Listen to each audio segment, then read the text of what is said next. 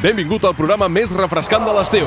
Si ets de costa o de muntanya, no et preocupis que nosaltres ho tenim tot. Vine a passar una bona estona cada matí de dilluns a divendres d'11 a 1. Mar i muntanya. Un programa elaborat per Ràdio L'Escala, La Veu de Sant Joan, Ràdio Salrà i Ràdio Vilafant amb el suport de la xarxa de comunicació local. Benvingut al teu programa d'estiu. Molt bon dia, benvinguts al Mar i Muntanya d'avui dijous, eh, podríem dir últim dia de programa a l'estudi, perquè demà estarem a l'exterior. A aquesta hora el que vull fer és saludar els meus companys que estan aquí amb mi a l'estudi. Víctor Grau, bon dia. Molt bon dia, Mercè. Josep López, bon dia. Molt bon dia. Recordeu eh, que aquest programa no el fem nosaltres sols des de Ràdio Vilafant, sinó que estem molt ben acompanyats amb la resta d'emissores que fan possible aquest mar i muntanya. Uh, la veu de Sant Joan, amb en Guillem Planagumà, a Ràdio L'Escala, amb en Juanjo López, a Ràdio Salrà, amb en Lluís Salabert, uh, i també amb en Quim Agustí, uh, de Ràdio Llançà, uh, Ràdio Montgrí, que també ens escolten, des d'aquí els saludem. Tot això amb el suport de la xarxa de comunicació local. Fetes les presentacions, de, de seguida saludem els nostres companys de les emissores, fetes les presentacions, anem a recordar quin és el Dia Mundial d'avui. Uh, qui me l'explica? Víctor? Doncs jo Josep? mateix. Avui és el Dia Mundial de la Població. Avui és el dia de... El di... nostre dia, perquè som població. De, de Vilafant. dia de tothom. Sí, és el dia de tothom, eh? És un dia molt, molt general. I hem triat una cançó eh, per escenificar-ho. Uh, no la deixarem tota, eh, Víctor? Uh, ens costaven discutint abans d'entrar. Home, nosaltres som població del món, com Exacte. aquesta gent eh, de la cançó We Are The World, que també reivindica que són el món, són part d'aquest planeta Terra que tots compartim.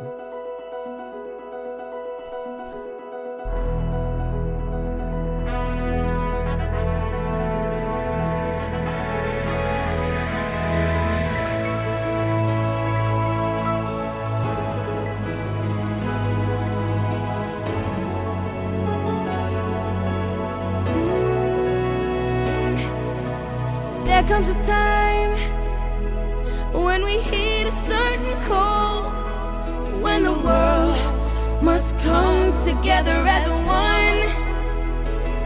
There are people dying. Oh, when it's time to lend a hand to life, the greatest gift of all. We can't go on pretending day by day. that someone somehow will soon make a change. We are all a part of God's great big family. And it's true, you know, love is all we need. We are the world. We are the children. We are the ones who make a better day. Let's start giving. There's a choice we're making.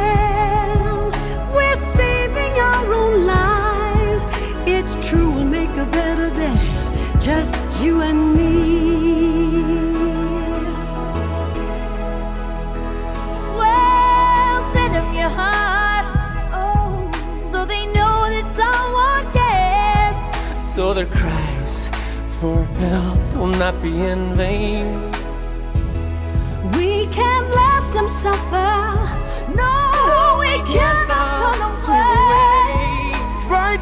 Quina cançó més romàntica, eh, per començar el dia d'avui. Jo la trobo romàntica, no té un punt romàntic. No, fiquis, no posis aquesta cara, Víctor. En, Víctor ha posat una cara de què estàs dient? No sé si és ben bé romàntica. o, si més no, és molt entranyable. Exacte, exacte. Romàntica, entranyable, més o menys. Què va passar tal dia com avui a, a, a les efemèrides? Qui- De tot. De Va passar de tot. Aviam, explica't, Mireu, Josep. el 1802 i va tenir lloc un incendi que acabava amb el Teatre del Príncep de Madrid, que actualment és el Teatre Espanyol. Una desgràcia, podríem dir, no? El 1995 va tenir lloc una altra desgràcia, la massacre, la massacre de Srebrenica, Srebrenica, perdó, on les tropes sèrbies assassinaven més de 8 8.000 civils eh, bosnians. L'any 2002 va tenir lloc un incident de l'illa de Perejil, la qual cosa va empitjorar notablement les relacions entre Espanya i el Marroc. Fins aquí tot desgràcies, però ara la cosa millora una miqueta, tranquils. menys mal, Josep. Menys mal, perquè fins aquí malament, eh?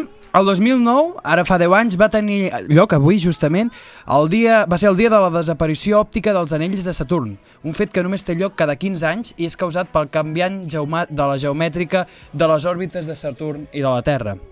El 2010, un any més tard, la selecció espanyola de futbol guanyava el Mundial de Futbol a Sud-àfrica, 1 a 1 a 0 contra la selecció dels Països Baixos que segurament és un fet que recorden els aficionats del futbol, si més no els aficionats de, de la selecció espanyola.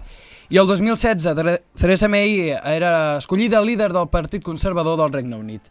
Ja ho veieu? Teresa bé- May, que l'hem tingut Theresa present May, eh, ben sí. bé fins, fins ara. Fins eh? ara. Eh, recordem als nostres oients que avui regalarem entrades de, de cinema eh, pels Cat Cinemes, o sigui que molt atents avui al Mar i Muntanya, que poden trucar.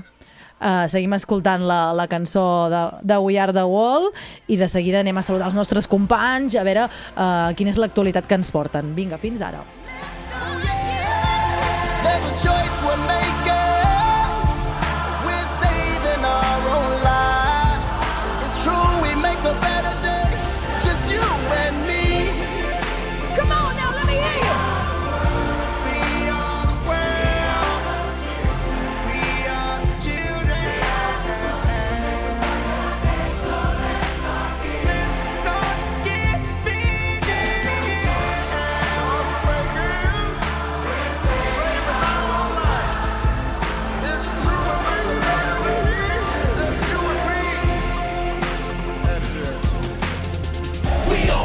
Somebody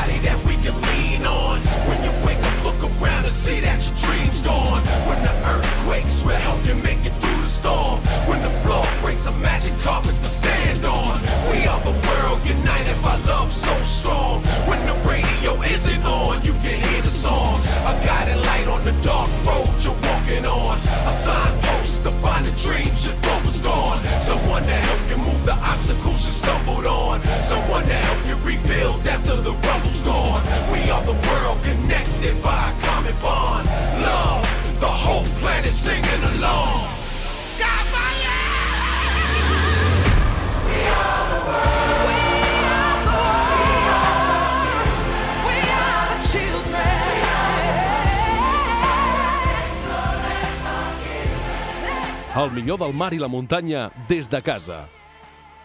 Doncs sí, el millor del mar i la muntanya, només heu, de sintonitzar alguna de les nostres emissores i, i podeu tenir-ho, el millor del mar i la, la muntanya.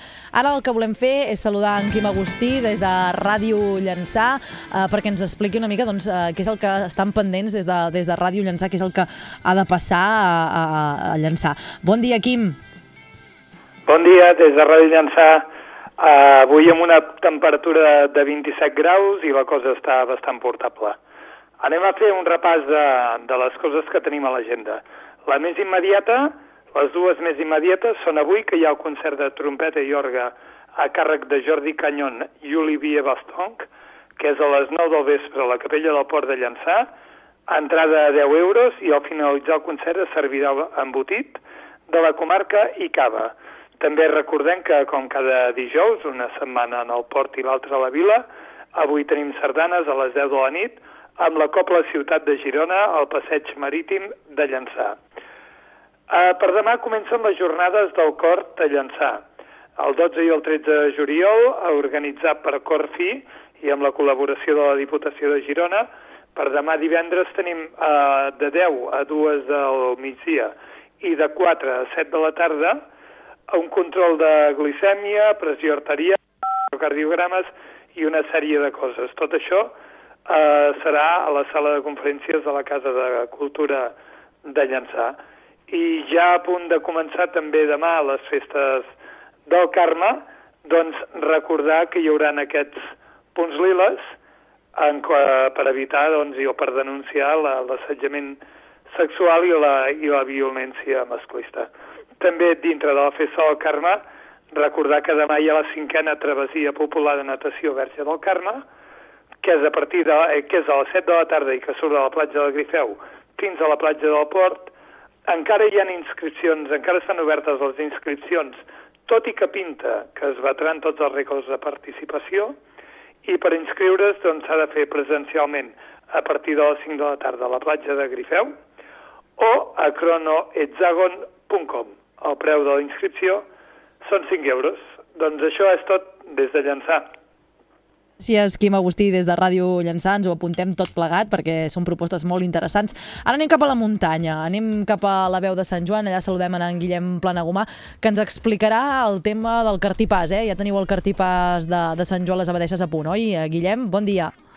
Molt molt bon dia a tots i a totes. Efectivament, aquí a Sant Joan, crec que dels, dels eh, pobles de, que formem part del Mar i Muntanya érem dels últims que estaven pendents del cartipàs d'aquí a Sant Joan. Ahir, per fi, en ple a les 8 del vespre, a la sala de plens de l'Ajuntament eh, vam tenir cartipàs, eh, un ple de cartipàs que no ha estat exempt de polèmica perquè, doncs bé, la polèmica principal ha estat l'augment de sou eh, que s'ha fet a Ramon Roquer, l'alcalde, que revalida eh, mandat per quarta vegada consecutiva, eh, recordem, eh, i ha estat això sobretot a l'oposició, el cap de l'oposició, Sergi Albric, que forma part d'Esquerra Republicana de Catalunya, ha estat el més crític amb, amb aquest augment de sou, que ha estat d'un 34% eh, respecte a l'any passat. Ramon Roquer, l'alcalde, doncs, considera però que ha de tenir un sou just per les hores que dedica al municipi i assegura doncs, que s'assimila als pobles de dimensions eh, similars. Eh, cobrarà vora uns 36.000 euros, com comentava, i ell fins i tot comentava en el ple doncs, que el que està establert eh, i el que està recomanat, per dir-ho així, Uh, segons la mitjana de pobles d'aquesta uh, dimensió, és fins i tot encara uh, una mica més, vora els 40.000, comentava. L'equip de govern, de més, doncs, uh, no tindrà un mandat gens còmode, uh, perquè el fet de tornar a seure tots junts, uh, ni el fet de tornar a seure tots junts va calmar els ànims d'Esquerra, doncs, que van votar, efectivament, en contra d'aquestes retribucions. Doncs l'Esquerra va criticar que l'alcalde, Ramon Roquer, s'apugés el sou, com us dèiem, un 34%, que correspon vora uns 10.000 euros més a l'anterior eh, mandat. Escoltem, com us dèiem, a Sergi Albric, a cap de l'oposició, formant part d'Esquerra, com criticava aquest augment.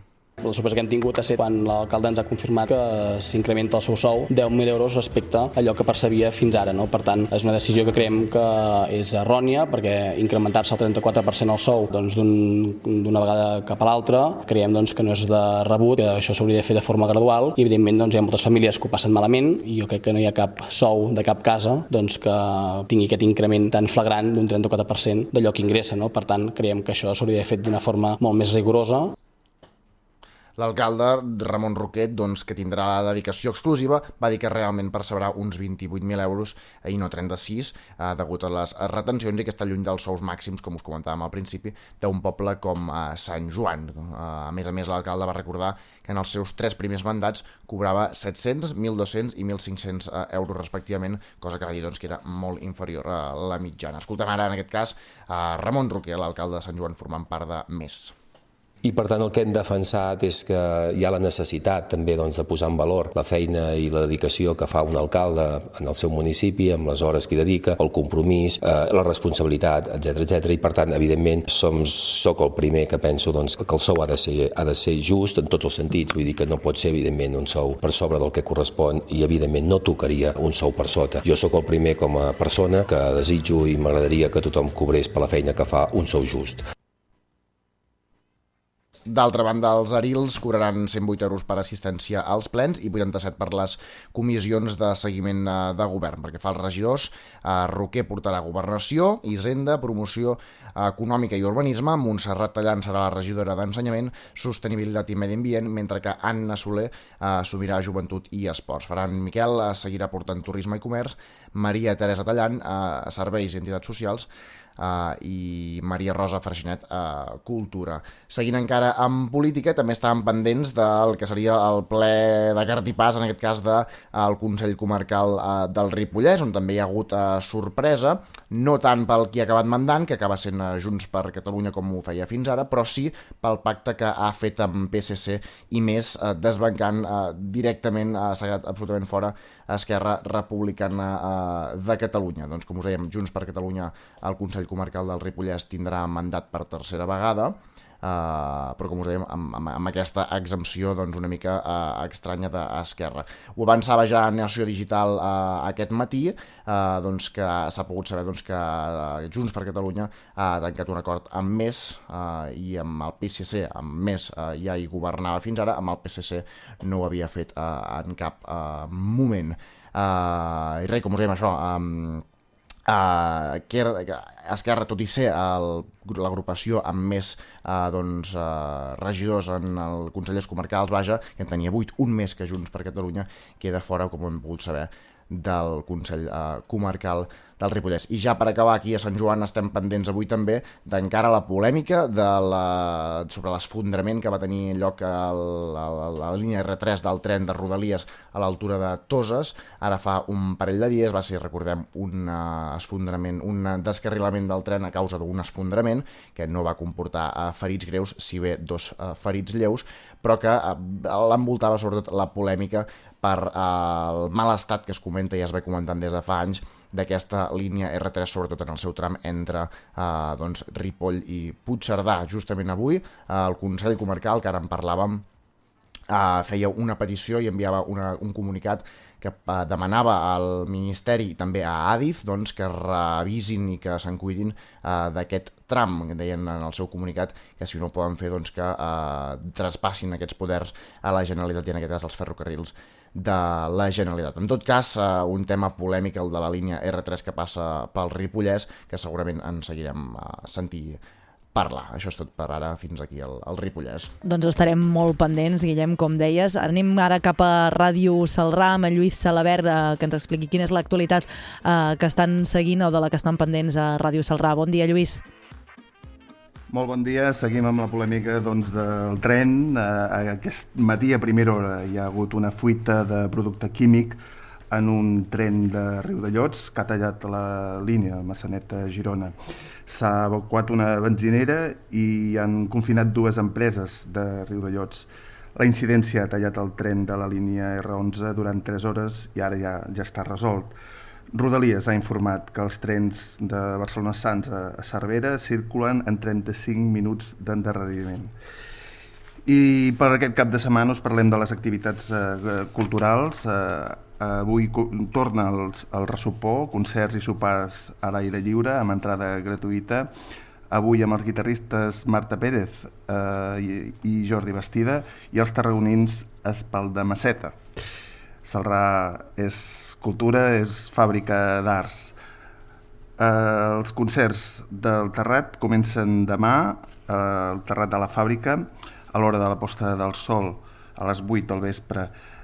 El dissabte hi ha la festa petita amb habaneres, amb el grup Terra Endins, rom cremat per a tothom i sardinada popular. I per acabar, el dissabte durant tot el dia, des de les 12 del migdia fins a les 12 de la nit, si algú de vosaltres voleu assistir a la festa de les cerveses artesanes de Jafra, trobareu unes 16 varietats. Perfecte, gràcies, Lluís. Anem ara cap al mar altre cop, anem cap a Ràdio L'Escala amb en Juanjo López, eh, que la cosa em sembla que va de vins, oi? Eh, Juanjo, bon dia. Sí, ara que s'apropa ja el cap de setmana i ens agrada una mica més culturitzar-nos perdó, i una mica a l'esbarjo, començarem parlant de les nits de Bacus, ja que Empúries estrena aquest divendres l'itinerari dramatitzat de les nits de Bacus. Se'n faran tres sessions al llarg de l'estiu i en ell sí ressegueix el culte a Bacus i les tradicions vinculades al vi, al teatre i la disbauxa. Una dona d'alta societat romana es deixa atraure per costat irracional de la passió que simbolitza déu de vi i la disbauxa, Bacus. Amb aquesta escena sobre l'últim sobre l'últim itinerari dramatitzat que estrena el Mac Empúries aquest divendres. Les nits de Bacus. Vinculat a l'exposició de, dedicada al déu del vi, aquest itinerari transcorre per diferents indrets al jaciment d'Empúries per descobrir el cicle mitològic i el culte a Bacus, les seves tradicions vinculades al vi, al teatre i a la disbauxa. El paper de Numèria, aquesta dona d'alta societat, és interpretat per Esther Espiguler. El déu solia anar acompanyat d'un nombrós seguici, format per un grup heterogeni de personatges com ara mènades, bacants i faunes. Formaven una processó festiva i desenfrenada, on la música i la dansa tenien un paper protagonista. Un d'aquests era el d'Empan, interpretat per un dels altres dels habituals a les visites guiades d'Empúries, Jaume Prat. Esther Espígole i Jaume Prat són, a més, intèrprets, eh, els guionistes d'aquesta visita on es fa referència a les festes conegudes com a bacanals, unes festes que se celebraven de nit i en secret. Festes pensades per a iniciats i on s'imitava el seguici de Bacus. Introduïdes a Roma cap al 200 abans de Crist, van ser prohibides l'any 186 abans de Crist perquè s'estaven convertint en una amenaça per a l'ordre social. La visita d'aquest estiu és pensada per un públic adult i aquest estiu se'n faran només tres sessions, totes a les 8 del vespre. serà aquest divendres 12 de juliol, el dissabte 17 d'agost i el dimarts 10 de setembre. El personatge principal, el del Déu Bacus, és interpretat per Jordi Coromina. Als assistents, com no podria ser d'una altra manera, tractant-se del Déu del Vi, se'ls ofereix una copa de vi per entrar en situació. L'aforament és limitat i imprescindible per fer reserva prèvia. I ja per acabar, aquest dissabte 13 de juliol arriba a Jafre la dotzena edició de la Fira de la Cervesa Artesana. De 12 del migdia a 12 de la nit, la Fira acull 16 mestres cervesers que ens portaran les seves produccions a la plaça Major per tal que tothom qui vulgui les pugui degustar. Al vespre s'escollirà la cervesa de l'any de Jafre, votació popular pels assistents. Per a aquells més petits, la fira també tindrà activitats infantils i també comptarà amb una fira de productes artesans i de la terra. Es tracta de l'acte popular més multitudinari que acull aquest poble de 368 habitants. I això és tot, de moment des de l'escala. Doncs ens, ens apuntem eh, aquesta, aquestes dues propostes interessants que tenen a veure doncs, amb el bon veure. Des d'aquí, des de Ràdio Vilafant, estarem molt pendents avui eh, del Consell Comarcal, també com, com deia en Guillem, que també el de l'Alt Empordà, igual que el de Ripoll, s'ha de constituir precisament avui. Es constituirà a les 12 del migdia aquest plenari del Consell Comarcal amb, que elegirà Sònia Martínez, alcaldessa de la Junquera, com a presidenta del Consell Comarcal. També us volem explicar que el Mercat Municipal de Roses ha incorporat recentment tres nous punts de venda, ocupant així les parades vacants que, que s'havien anat perdent. Eh, Hi haurà tres nous establiments, una peixateria, una fleca i una altra botiga. Tots seran productes de proximitat de quilòmetre zero. Uh, també us volem parlar d'una notícia que ha generat preocupació al nou govern de la ciutat de, de Figueres, uh, ja que es, es mostraven ahir a la tarda preocupats per la situació econòmica i també uh, pel funcionament de, de l'Ajuntament, precisament, doncs, per, per, precisament amb, amb, pel, per la gestió de les denúncies per, per incivisme, ja que de les 142 que, que es havien obert, només 12 han arribat a final de tràmit. La preocupació més alta, podríem dir, de, del nou govern és per les factures al calaix, ja que s'han trobat eh, factures al calaix per un valor de 250.000 euros. L'alcaldessa de Figueres, Agnès Lledó, explicava que cal posar-hi remei. L'escoltem. arribem en un ajuntament, veiem que hi ha molts de temes que no funcionen, volem saber per què no funcionen, estem preocupats, aquesta ciutat té reptes realment molt importants, sobretot tots aquells que fan referència a les persones, i el que necessitem és tenir un ajuntament àgil, un ajuntament que sigui gestionat amb determinació, amb fermesa, amb convicció i sobretot, sobretot, amb molta, molta transparència. En clau de cultura us volem explicar que el Festival Acústica va presentar ahir el seu cartell, eh, va presentar també el Got Solidari, que aquest any anirà a càrrec de, l'entitat Alzheimer i Família d'aquí de Figueres, i també va explicar el Festival Acústica, que serà el patrocinador oficial de la colla castellera de Figueres. Entre els caps de cartell d'aquest Festival Acústica hi trobem el grup de música Fangoria. D'aquí una mica eh, intentarem escoltar algun dels temes de, de, de Fangoria. Eh, nosaltres recordem que avui regalem entrades de cinema per Cat Cinemes, o sigui que estigueu molt pendents del Mar i Muntanya. Fem uns consells publicitaris i de seguida tornem. El millor del mar i la muntanya des de casa.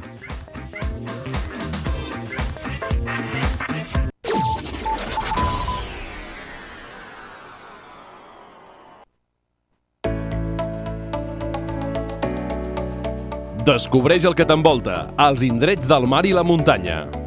Doncs continuem en directe des del Mar i Muntanya, aquest programa que fem en directe des de Ràdio Vilafant, Ràdio L'Escala, Ràdio Salrà i la veu de Sant Joan. Ja sabeu, eh? la nostra companya Mercè ha hagut de marxar una estoneta, va fer un reportatge que escoltarem en directe un altre dia aquí al Mar i Muntanya, però nosaltres continuem amb el programa aquí, en directe.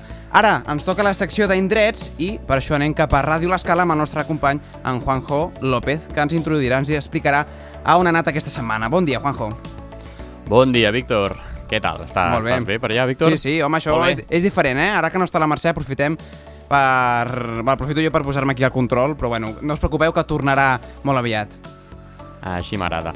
Doncs sí, tal com diu el meu company Víctor, anem a parlar d'indrets i vaig tenir l'enorme plaer de poder parlar amb l'Albert Albertí perquè m'expliqués detalls sobre l'indret de les Planasses Salpats. No us preocupeu, perquè també el coneixereu l'Albert Albertí, dirà cosetes sobre ell, però us asseguro una cosa, que quan el sentiu parlar sobre aquest indret, tots vosaltres tindreu moltíssimes ganes d'anar-hi. A part de ser preciós, és un indret molt complet dins de la Costa Brava.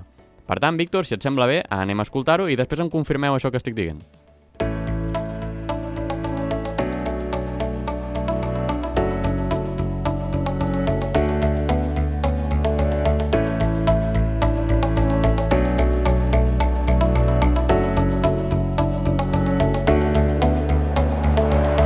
Costa Brava té paratges que són realment impressionants i el que us portem avui a la secció d'indrets del mar i muntanya no es queda pas enrere. Avui us venim a parlar sobre l'indret de les Planasses Salpats, que és un espai natural espectacular que està inclòs dins el Parc Natural del Montgrí, les Illes Medes i el Baix Ter.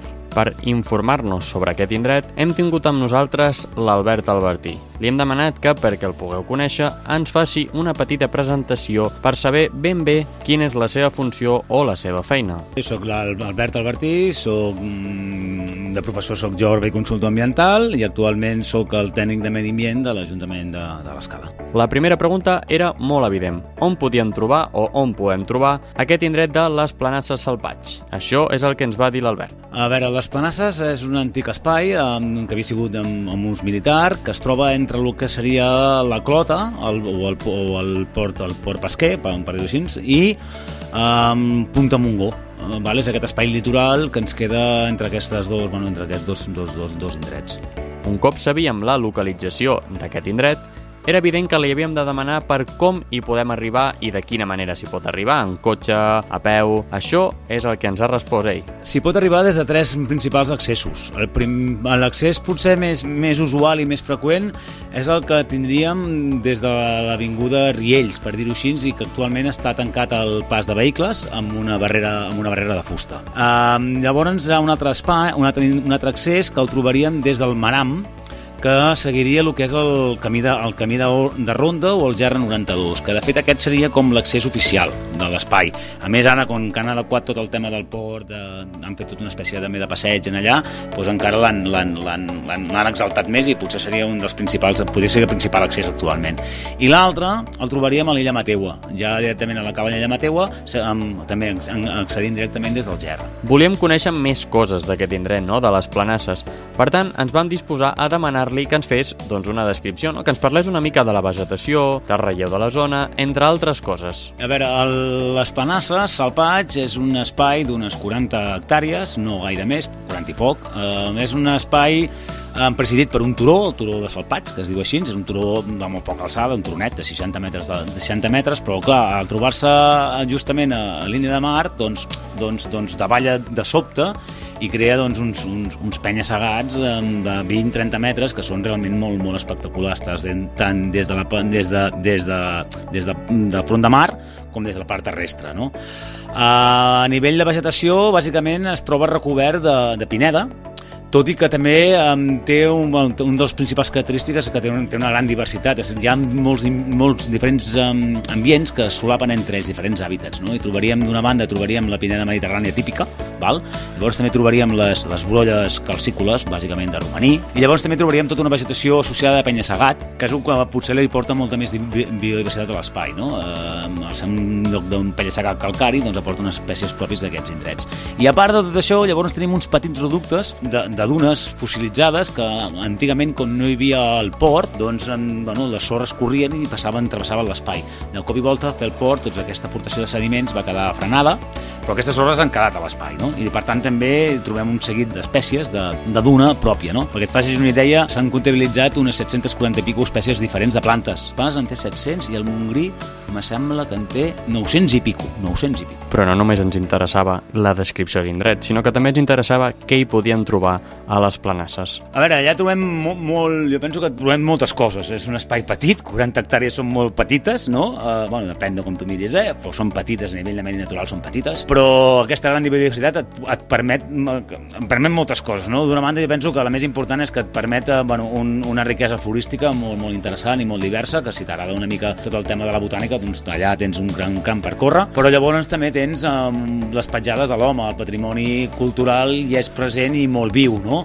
I trobaríem des d'antigues parets de pedra seca que encara resten allà, que havien sigut antigues vinyes, però també trobem um, tota una est- estructura militar de l'època franquista, de l'època de la República, que, que estan allà i que perduren. En tot cas, es estem parlant de mm, diferents, bueno, de, de bateries de búnkers, d'una bateria antiaèria, a dalt de tots els salpats mig construïda, i d'uns dius de metralladores, a part d'una estació fotogramètrica que també encara encara trobem allà. A part de tot això, llavors, clar, tenim, tenim el paisatge, tenim un paisatge espectacular, des de les Panasses mm, contemples tota la Badia de Roses, el, el turonet de Salpatx són 60 metres, però et permet una visibilitat de 60 graus, ai, de, de 360 graus brutal, i pots veure, doncs clar, part de l'escala, part del litoral, bueno, en fi, no? I a part de tot això, després tens, tens petits espais i petits racons que encara es pots utilitzar, no? Com petites platges de còdols, que pots banyar-te, i, i la, la cala de l'Ella Mateua, no? Que poder que amb la seva illeta ja, ja, i, i, i és una cosa molt idíl·lica i ja...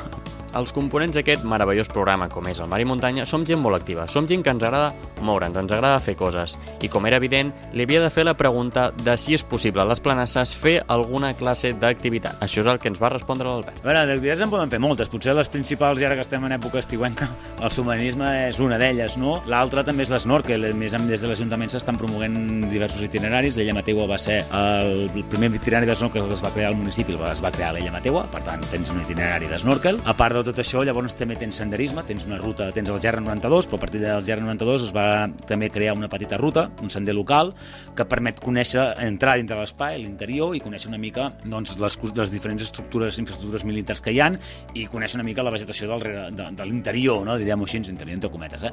de, de, les, de les panasses. Per tant, tens activitat, i a part d'això tens després altres... Tens la Via Brava, que també pots, tens un canal d'aigües obertes, on, on no es permet que entren les embarcacions també, per tant, pots anar amb, amb tranquil·litat, i tens la, la cala del Bol Roig, no? que és una cala amb, amb, bueno, amb, amb, amb, de pedra i molt semblant als del Montgrí i que per tant bueno, també et permet el, el bany. És un, un indret molt complet, eh, pel que veig. És un indret molt Tenim complet, sí, i a més amb una gran particularitat, que és un indret propietat 100% municipal. Eh, llavors això et permet eh, gestionar-lo com de cares a la, a la ciutadania de manera molt, molt senzilla i molt àgil, i dos, tens un espai que a l'escala, com la trama urbana és tan extensa, de cop i volta trobes 40 hectàrees forestals enmig, arran de mar, doncs jo penso que mm, complementa Empúries, no? Empúries tindries un ambient sorrenc, aquí tens un ambient de, de Montgrí, és, un petit, és el nostre petit Montgrí, per dir-ho així, no? Sovint en indrets que es troben a la naturalesa tenim individus a la nostra societat que es dediquen a embrutir i no recullen la seva brutícia, no? I també pensam que era una pregunta obligada parlar d'aquest tema, sobre si la gent sabia valorar un indret natural com és el de les planasses i com era el tema de la brutícia i com ho portaven. Cada vegada més. M'haguessis fet aquesta pregunta fa 10 anys, et hagués dit que no. I si m'haguessis preguntat aquesta pregunta fa 15 anys, t'hagués dit que ni la gent ni ho sap on està les panasses. Ara, cada vegada l'Ajuntament ha fet promoció, promou rutes de, de, de, de senderisme, promou visites guiades a les bateries dels búnkers, bueno, i cada vegada doncs, forma part del Parc Natural del Montgrí des Medes, per tant, eh, bueno, cada vegada s'està fent un lloc dintre del que és el reconeixement polar escalenc. No? no ho sap valorar, la gent moltes vegades agafen, fins i tot hi ha casos curiosos, t'agafen la- els plàstics o la, la brutícia, te la lleguen amb una bossa, de, amb una bossa te la pengen amb una branca d'un arbre, no? Um, com si hagués de ballar amb un servei de- d'escombriaires que passessin cada dia, no?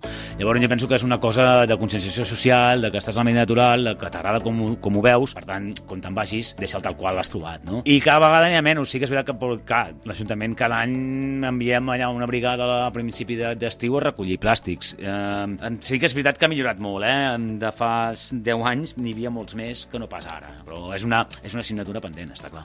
No hi havia millor manera d'acabar aquest reportatge que demanant-li al nostre convidat, a l'Albert Albertí, què preferia, si mar o muntanya. Poder la resposta us sorprèn a més d'un. Muntanya. Però ara és muntanya Sí, que mar. sóc escalenc de... de pues per això la muntanya. Sóc un, un, un, un amant de, de, de, de muntanya, i si pot ser de muntanya pirinenca, eh? de, de 2.500 metres per món.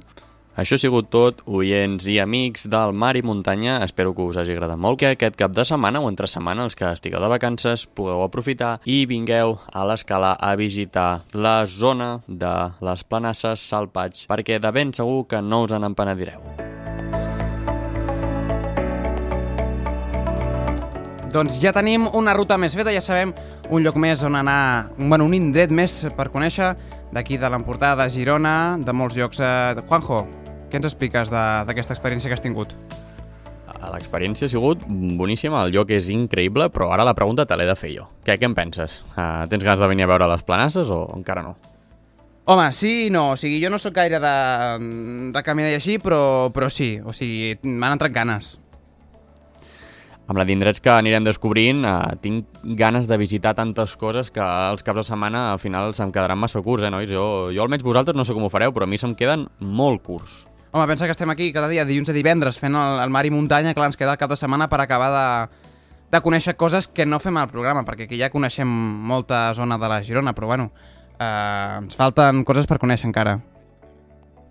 Doncs sí, però bueno, eh, d'aquí uns dies també ens portaran més coretes els nostres companys de la veu de Sant Joan, eh, els de Ràdio Salrà, que no sé si tenen algú a dir o no, però jo tinc ganes de saber què ens porten. Guillem, tens, podem fer una prèvia? Home, a mi m'ha semblat molt interessant, eh? Vull dir, eh, m'ha sorprès fins i tot a, aquest tipus de rutes en un poble eh, de platja, eh? Perquè gairebé podria semblar, entre una cosa i l'altra, doncs que fos potser no Sant Joan de les Abadeses, no?, per un tema de, de, de paisatge, però, però, però, però molt bé, molt bé, molt bé. Ja ho diem sempre, eh? algun dia hem de fer, igual que fem sortides els divendres i anem a fer el programa en directe en algun dels pobles eh, que formem part del programa, també ho hem de fer en, en, en alguna d'aquestes rutes. Sí, sí, tant. Perfecte, doncs continuem amb una mica de música. Abans la nostra companya, la Mercè, explicava que ahir va tenir... Bueno, ahir es va presentar el cartell d'aquest Festival de l'Acústica 2019, on eh, es presentava que Fangoria vindria com a l'artista més principal, diguéssim, del festival, i ara, per fer un homenatge a aquest grup que, que veurem en directe a Figueres aquest setembre, eh, escoltarem una de les seves cançons més conegudes. A qui le importa?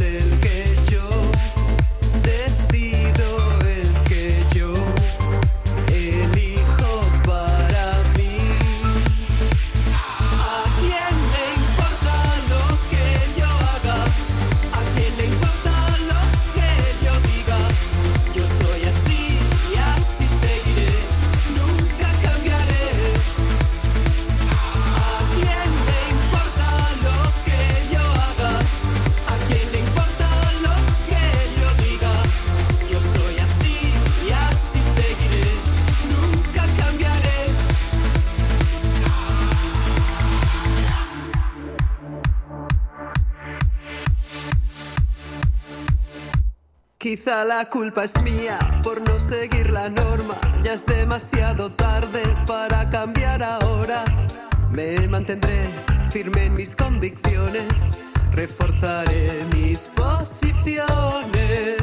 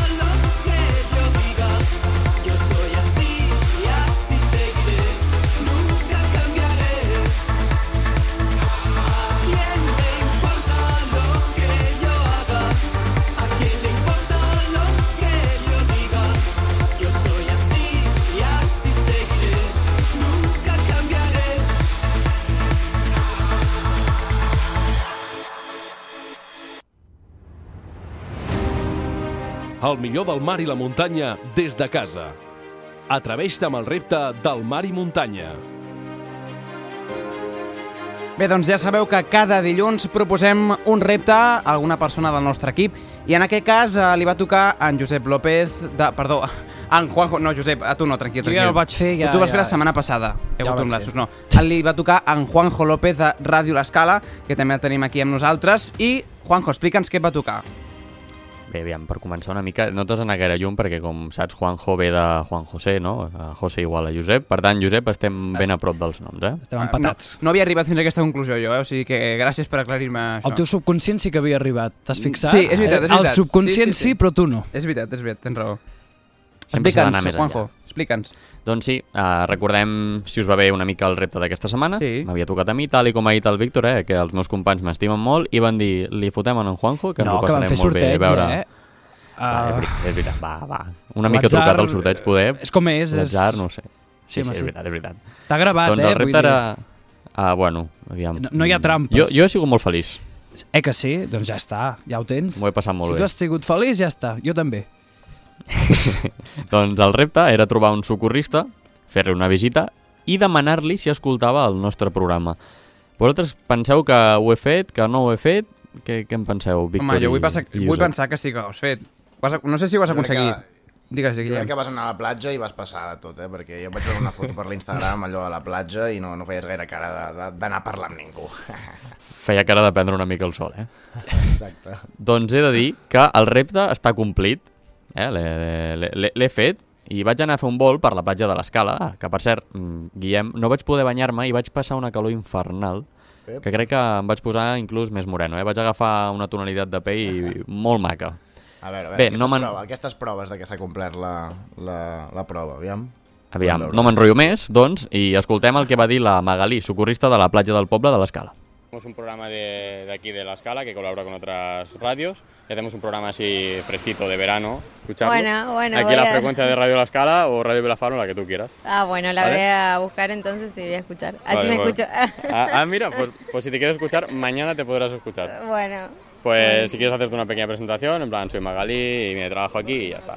Y ya cerramos. eh, bueno, soy Magalí, estoy trabajando en la playa del pueblo, eh, de la escala para los que quieran ¿Y estás contento o no estás contento? Sí, muy linda playa, así que la recomiendo. ¿Y la gente qué tal de La Escala? ¿Majos, no majos? ¿Son simpáticos? Eh, muy buena, sí, copados. ¿Qué vas a decir, no? También. Sí. no, sí, sí, son Bueno, Juanjo, ho has aconseguit, eh? O sigui, has aconseguit parlar amb el socorrista. bé, que els escoltés ja no és una altra cosa, però parlar-hi ja has parlat. No sé si ens haurà escoltat, eh? Podria anar-hi avui a preguntar ho has escoltat o no ho has escoltat? Podem dir que sí, Pues m'enganyaria. ja està, adjudicat. Repte, repte punt 2.1. Repte de la setmana un altre cop. Que en Juanji... Ai, en Juanji. Juanji. Que en Juanjo torni, en Juanjo torni a la platja i li demani a la Magalí si ha escoltat el programa. Endavant, doncs Ara, per dir-ho, ho hauràs de fer, eh? Bueno, si Sí, t'atreveixes, home. eh, tu mateix, passa a veure i ens expliques a veure què, què t'han dit. Vinga, Vinga, doncs uh, aviam. Si tinc temps, jo m'atreveixo a tot. Sí, El, clar que sí. El temps ja és diferent. Clar, clar. Perfecte, doncs... Ara, eh, li hauries de fer la- li hauries de fer l'entrevista, però dins de l'aigua. Ah, mira, seria també un repte. Una, una, una, una prova um, sonora o visual que, que ho demostri. Va, però ja Però sota l'aigua o a l'aigua? Home, més sota l'aigua també seria bastant guai, eh? A veure que Home. no sé fins a quin punt el tema del Sí. micro. Jo l'idioma que l'anomeno l'idioma paxico no, no el controlo encara, eh? Bueno, et falta fer una cosa, Juanjo. Et falta penjar la fotografia conforme has estat amb la socorrista, no? Perquè la Mercè ens la demana. La tens o no la tens? Doncs tenim males notícies perquè no, no hi vaig pensar en fer-me la foto. Oh, Molt malament. Quina llàstima. Igual, igual, igual és tot mentida. Igual és tot mentida que aquesta noia era la seva, la seva cosina, eh? Sí, home, clar. Podria Jo ser. soy argentino. Ja no m'ho crec, ja no m'ho crec. Jo, jo sóc català, ella era argentina, poder tinc cosins llunyans, però Argentina en aquest cas no. Bueno, de nois, moment, que jo T'aprovem, sàpiga, no t'aprovem. Sí. Ja està, et posem Vale, un, va. un 10, va. Si us sembla, escoltem una mica de música i abans d'això, deixeu-me recordar que avui regalem dues entrades per a Cat Cinemes Figueres. Estigueu molt atents al programa perquè després de fer la cartellera sortejarem aquestes dues entrades que podreu gaudir durant tot l'estiu per anar a veure qualsevol pel·lícula que vulgueu. Mar i muntanya, el programa més refrescant d'aquest estiu.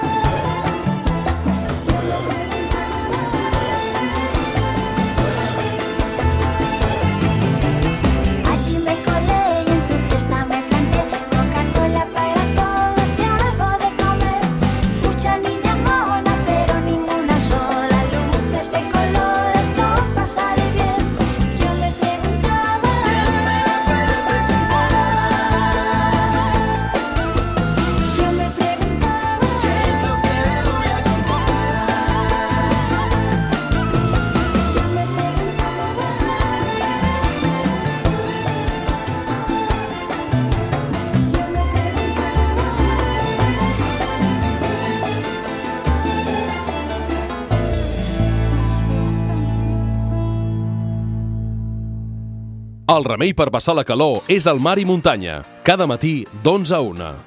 Això és, doncs, a on estem en directe des de les diferents emissores que composen aquest programa, des de la veu de Sant Joan, des de Ràdio Salrà, des de Ràdio L'Escala i Ràdio Vilafant, i també amb l'ajuda de Ràdio Llançà i Ràdio Montgrí que emeten aquest programa Mar i Muntanya, també amb el suport de la xarxa de comunicació local. Doncs eh, uns minutets per anar a uns consells publicitaris i abans deixeu-me que en Juanjo, nostre company, faci res 5 cèntims de l'entrevista que tindrem després d'aquesta publi i d'aquestes notícies. Juanjo, molt ràpidament. Doncs sí, perquè avui tenim dues entrevistes molt interessants. Uh, mira, si us sembla bé, uh, desvetllarem una de les dues. Sí. Uh, parlarem primerament amb en Fran Arnau, que és el director del Festival Porta Blau, que celebra aquí a l'Escala, però també d'altres festivals molt importants, com ara el Festival Ítaca. Eh? Vull dir que avui avui anem forts eh? a, a la secció de música quilòmetre zero. Perfecte, doncs això serà en uns minuts. També recordem que l'últim bloc d'aquest programa serà el cinema, que farem les crítiques de cinema amb els nostres col·laboradors i també regalarem, com dèiem abans, entrades per Cat Cinemas. O sigui que estigueu molt atents perquè al final del programa obrirem línies perquè vosaltres pugueu col·laborar i pugueu trucar per guanyar aquestes dues entrades que sortegem per anar a veure qualsevol pel·lícula aquest estiu, eh? perquè des del mar i muntanya volem que aneu al cinema aquest estiu. En res, uns consells publicitaris i tornem en directe aquí, al Mar i Muntanya. Fins ara!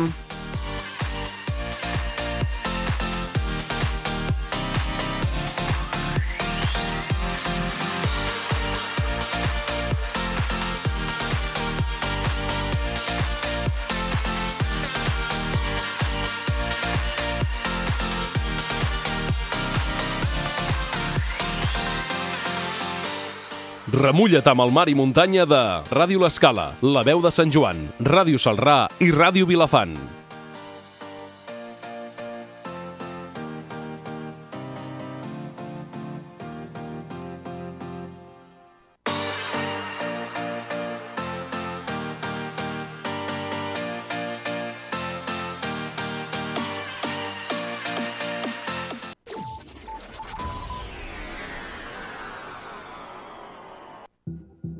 A Optipunt analitzem profundament totes les estructures de l'ull, la còrnia, pressió ocular, diòptires exactes, llagrimal, ull sec, retina, màcula...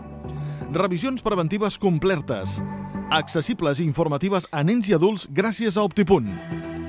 Optipunt, carrer Concepció 11 de Figueres, demani hora i guanyi temps, no perdi la seva visió. Consulti la nostra web a optipunt.com. Optipunt, salut ocular per a tots.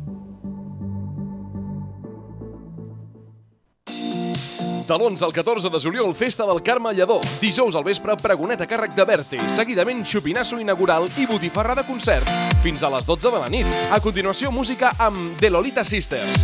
Divendres a la nit, jove amb actuacions de The Speed, Orquestra Mitjanit i DJ Sisi Sound Sistema. Dissabte al matí, animació infantil amb el Xancleta, gimcama d'aigua amb un salt de circ. Tarda, pregó a càrrec de Dolors Planagumà. I seguidament, concert recital amb Sam. I a la mitjanit, actuació del grup Loca Histeria i Disco 80 amb DJ Enric Gómez.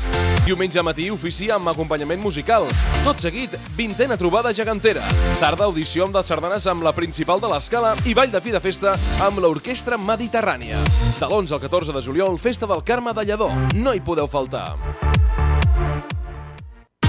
Aquest estiu, al Carrefour Nou Centre de Figueres, obrim les portes de dilluns a dissabte i fem horari d'estiu pensat per les teves compres. T'esperem de 9.30 del matí a 10 de la nit. Vine i aprofita les nostres ofertes d'estiu. Només al Carrefour Nou Centre de Figueres. De les cuines més fosques, amagades, en blanc i negre, a les cuines lluminoses, accessibles, en color, dels artistes protagonistes als salons, als artistes protagonistes a les cuines dels restaurants. Exposició El País dels Cuiners, de Calateta al Bulli, al Museu de l'Empordà i fins al 15 de setembre. 50 anys que marquen la història de la gastronomia com la coneixem avui i que expliquen l'evolució de Figueres i l'Alt Empordà. Un projecte de l'Ajuntament de Figueres amb la col·laboració d'Aigües de Vilajuïga. Del 12 al 16 de juliol, Festa Major de Llançà. Divendres a la tarda, travessia popular de natació i jocs tradicionals infantils. A la nit, ball amb Stop 80 i seguidament DJ Sarau. Dissabte a la tarda, al passeig marítim, tallers de pesca didàctics i pesca plàstic. A la nit, actuació de l'orquestra Maribel i DJ Sarau. Diumenge al vespre, cantada de veneres amb els grups Ultramar i Terra Endins. Seguidament, focs d'artifici.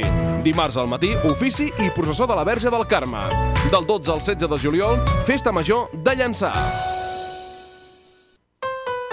Ràdio Vilafant.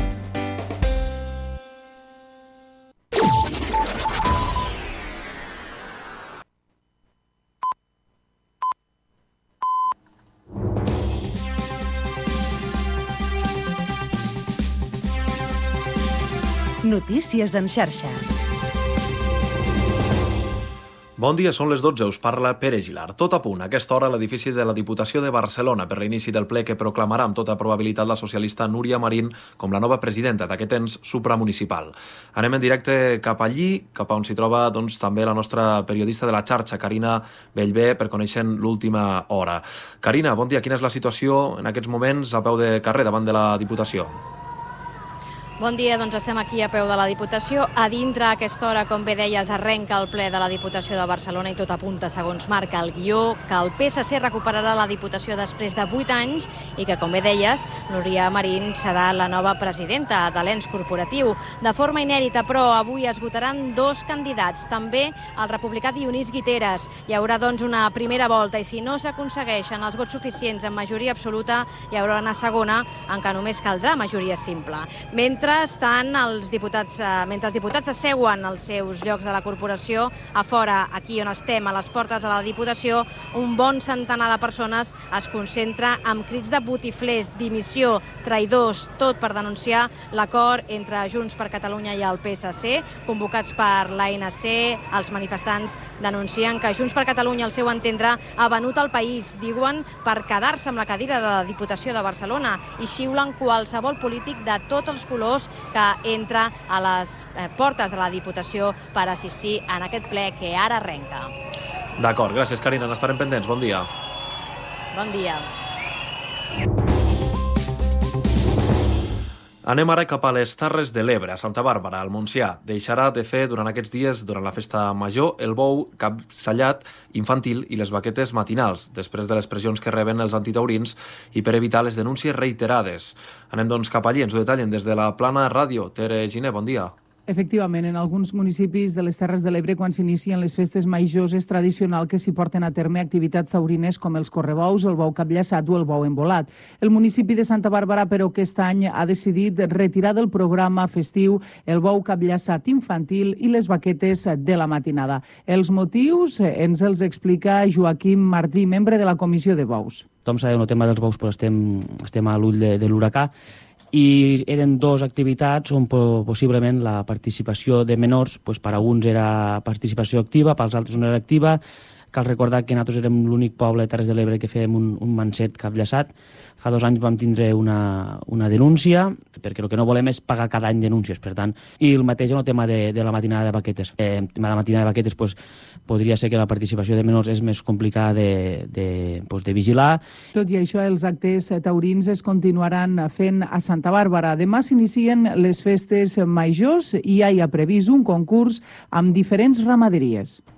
Gràcies, Tere Gina, des de la Plana Ràdio. I a aquesta hora també us expliquem que el Tribunal Superior de Justícia de Catalunya ha fet aturar les obres del perllongament de l'autopista C32 entre Blanes i Lloret. La interlocutòria de l'alt tribunal posa el focus en el nou estudi d'impacte ambiental que va permetre iniciar els treballs previs sobre el terreny amb tales d'arbres al paratge del Vilà i altres zones. El TCJC estima parcialment les reclamacions dels grups ecologistes i conclou que aquest estudi també ambiental que avala també el traçat escollit pel Departament de Territori, té deficiències. Assegura que no s'ajusta a allò que marca la llei del canvi climàtic. Doncs amb aquesta informació acabem aquest butlletí de notícies en xarxa. Ens actualitzem properament. Gràcies per la seva atenció.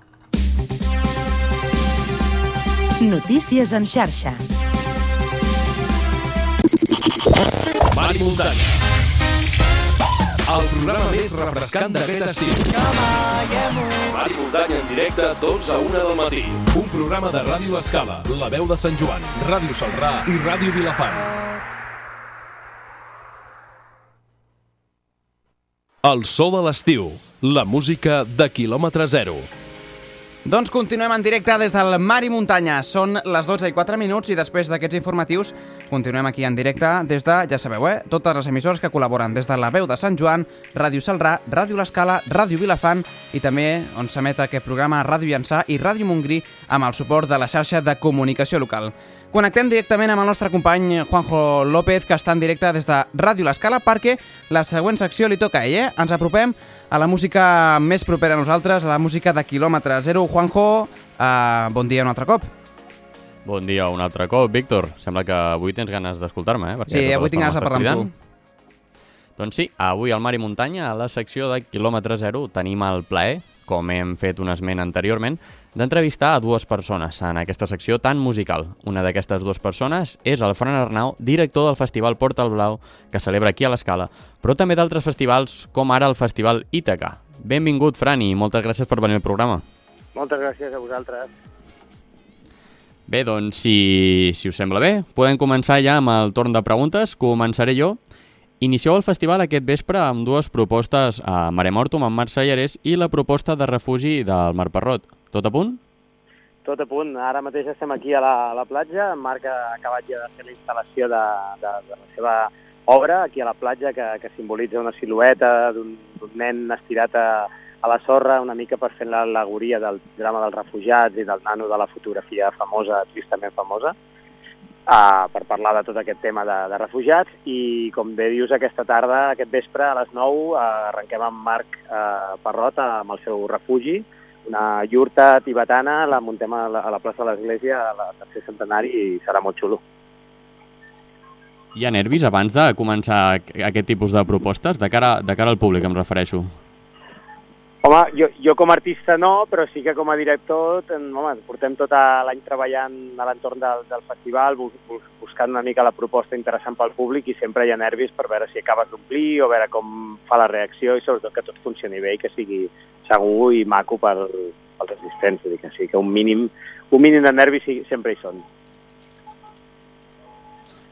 Molt bé, uh, bones, Fran. Jo, jo sóc en Guillem, et saludo des de la veu de Sant Joan. Uh, un, un plaer uh, tenir-te aquí. Volia, volia demanar-te una mica sobre l'organització de, del festival, perquè entenc que un festival com el Portal Blau uh, d'aquesta magnitud uh, deu portar una organització uh, considerable. No sé, quan, quant temps porteu, per exemple, uh, per tancar el cartell i tota la mm, composició logística del festival? Bueno, normalment treballem d'any en any. Nosaltres ara, ara que arrenco i que arrenquem de nou aquesta edició d'enguany, és quan tornem a començar a pensar en l'any següent i a, i a programar. I ara ja estem parlant amb artistes per l'any següent i una mica, tal com comença el festival, arrenca una mica la feina de l'edició següent. Ah, molt bé. Eh, quin és el repte més gran, Fran, eh, que has tingut a l'hora d'organitzar el Festival del Porta Blau? Imagino que un festival amb renom ha de portar un treball i una organització molt gran perquè tot surti bé.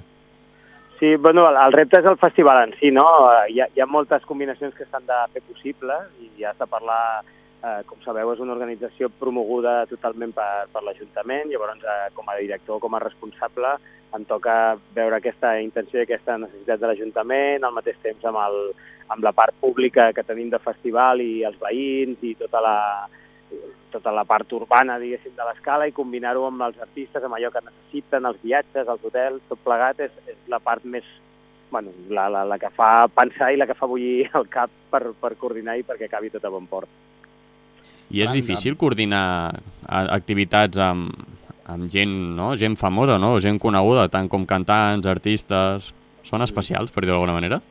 Hi ha de tot. Jo crec que hi ha més mite que, que realitat, almenys el que jo m'he anat trobant professionalment, però sí que és veritat que de tant tant trobes un personatge interessant, no? Vull dir que, que no sé, hi ha, hi ha casos i casos, però se demanen coses estranyes o bé simplement tenen les seves manies i els horaris i tot plegat i donen una mica remolc d'allò que volen i bueno, a vegades són gent que, que, que els hi han fet massa cas, potser, en alguns casos, no? Però per sort i, i el que m'he trobat jo és que en general l'artista és una persona humana més, al contrari, normalment més sensible que altres i, gent.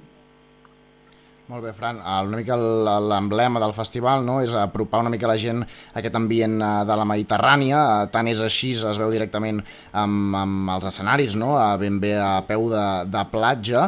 Uh, Parla'ns una mica de com organitzeu aquesta programació. Hi ha doncs, músics molt més uh, quilòmetre zero, no? el, el Marc Parrot, uh, la Júlia uh, Cabero, uh, altres artistes però de, de molt més renom, no? amb l'Alfred Garcia veiem aquí, el Paco Ibáñez, uh, veiem a, a la Clara Peia, una mica com, com, com us plantegeu la composició d'aquesta programació quan aneu a, a plantejar-la?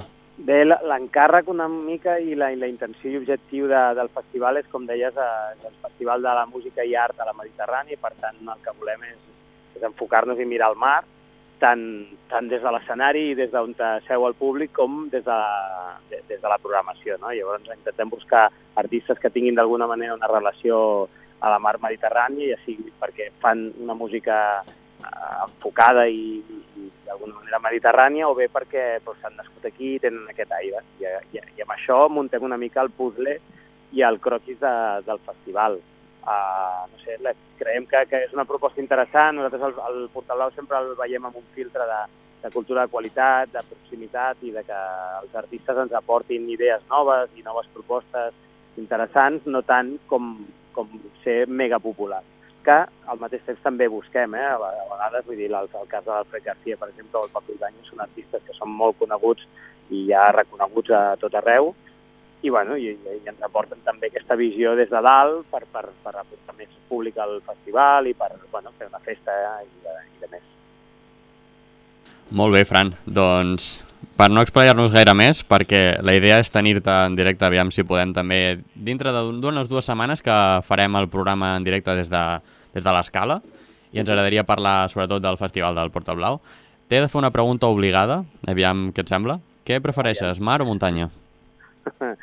Uh, jo, jo visc una mica entremig, eh? Soc molt fan de, del mar, m'agrada molt bussejar i fer esports de muntanya, ai, de mar, però també sóc un enamorat del Pirineu i de, i de l'alpinisme. Vull dir que visc una mica entremig, però si he d'escollir avui, diria mar pel, pel, a favor del Portal Blau. Molt bé. Doncs moltes gràcies, Fran, per tractar-nos també i contestar les nostres preguntes i ja et dic, aviam si ens podem veure d'aquí unes setmanes per tornar a parlar amb tu i ja sí que aprofunditzar, aprofunditzar perdó, una mica més sobre el Festival del Porta Blau. I tant, estaré encantat de, de venir. Moltes gràcies, Fran. A vosaltres. Perfecte, doncs Juanjo, si sembla continuem amb una mica de música, no? Quina proposta escoltem ara? Doncs sí, l'altra proposta musical que tenim avui té a veure amb l'altre convidat que tenim, i el coneixeu. Si us dic El xaval de la Peca, vosaltres qui dieu que tenim al telèfon? Algú ho sap? Mm, home. Home, mític. Home. No? I a més a més, eh, no és casualitat perquè toca, no? Eh, com ho deia Ah, el. Fran, avui eh, obre eh, el Portal Blau, no? Parlem de, del Marc Parrot, amb aquest eh, passat, com deies tu, amb el, el xaval de la Peca, amb aquest altre nom artístic, ara fent una proposta ben diferent, eh, com us deia, eh, ens presentava aquest eh, disc l'any passat, Refugi, no? que, si no m'equivoco, n'escoltem una cançó ara, no? Sí, si us sembla, escoltem Doncs sí, aquesta... escoltem un fragment. Aquesta química.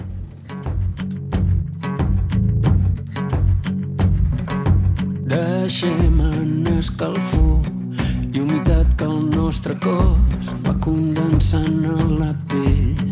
Regalima pel clatell, som bombes nuclears, fonts d'electricitat, forces que no aturarem, camps magnètics oposats i ens fem nobles com el gas. I expandits formem part d'una atmosfera ideal. Tenim tots els components, barrejats som pura medicina efervescent.